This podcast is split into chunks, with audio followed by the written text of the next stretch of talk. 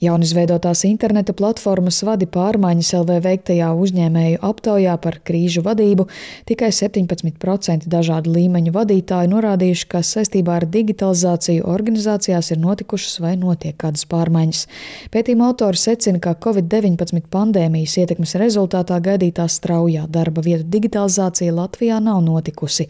Turpina pārmaiņu komunikācijas eksperta Ieva Zaumane mēs uzdevām vienu no jautājumiem, kādas pārmaiņas pēdējo divu gadu laikā jūsu uzņēmumā ir virzītas. Ja mēs veidojam tādu topu, tad pirmajā trīniekā bija uzņēmuma vadības komandu maiņa, vai organizācijas struktūra maiņa, vai darba procesu maiņa bet darba procesa digitalizācija tiešām tikai ceturtajā vietā, kas liek secināt, ka tā retorika apkārt par to, ka arvien vairāk digitalizējamies, arvien vairāk izmantojam digitalizāciju, lai uzlabotu kādus procesus, patiesībā ir mīts.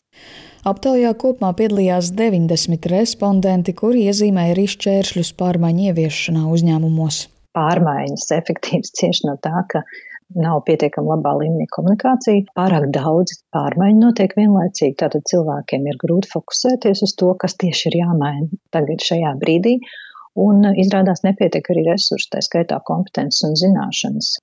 Latvijas Tirdzniecības un Rūpniecības kameras valdes loceklis Jānis Lielpēters papildina, ka Latvijas uzņēmumi digitalizācijas virzība atpaliek arī no Eiropas valstu vidējiem rādītājiem.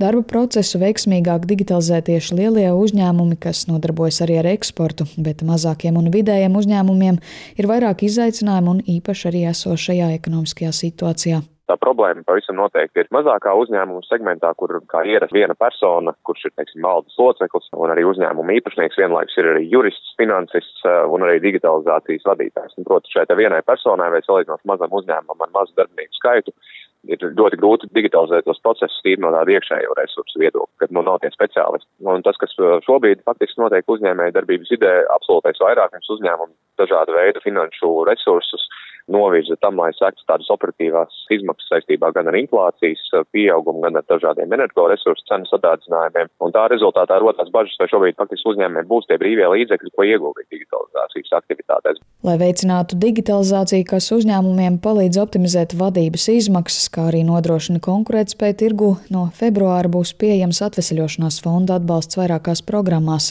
Vairāk stāsta ekonomikas ministrijas uzņēmē darbības atbalsta departamenta direktora Ilze Lore. Eiropas digitālo inovāciju centru izveidotā tīkla ietvaros, jebkurš uzņēmums varēs aiziet uz šiem centriem un identificēt, kādas tad investīcijas vislabāk tam uzņēmumam ir piemērojamas, jo tas izklājums būs pa visu Latviju, centri būs arī reģionos, pa vēl uzņēmums varēs šo te testu veikt un saņemt arī ceļu kartu, kur tālāk vērsties pēc secīgiem atbalstiem. Un nākamie secīgie atbalsti ir paredzēti trijos veidos. Tie var būt gan aizdevumi, gan granti, gan arī šis te nefinanšu atbalsts, kas būs pieejams apmācību veidā priekš uzņēmumu darbiniekiem. Šajās programmās nav prioritizēti uzņēmumi, šeit atbalsts tiek sniegts gan maziem, gan vidējiem, gan lieliem uzņēmumiem. Varēs startēt arī valsts kapitāla sabiedrības, ja būs nepieciešami kaut kādi rīki vai digitalizētu vai nodrošinātu, piemēram, datu savienojumību ar kaut kādām datu sistēmām, tā kā tas izbūs iespējams. Kopumā šajā periodā septiņiem gadiem dažādās programmās uzņēmumu digitalizācijas atbalstam paredzēti ap 180 miljonu eiro. Sinti Amboti, Latvijas radio.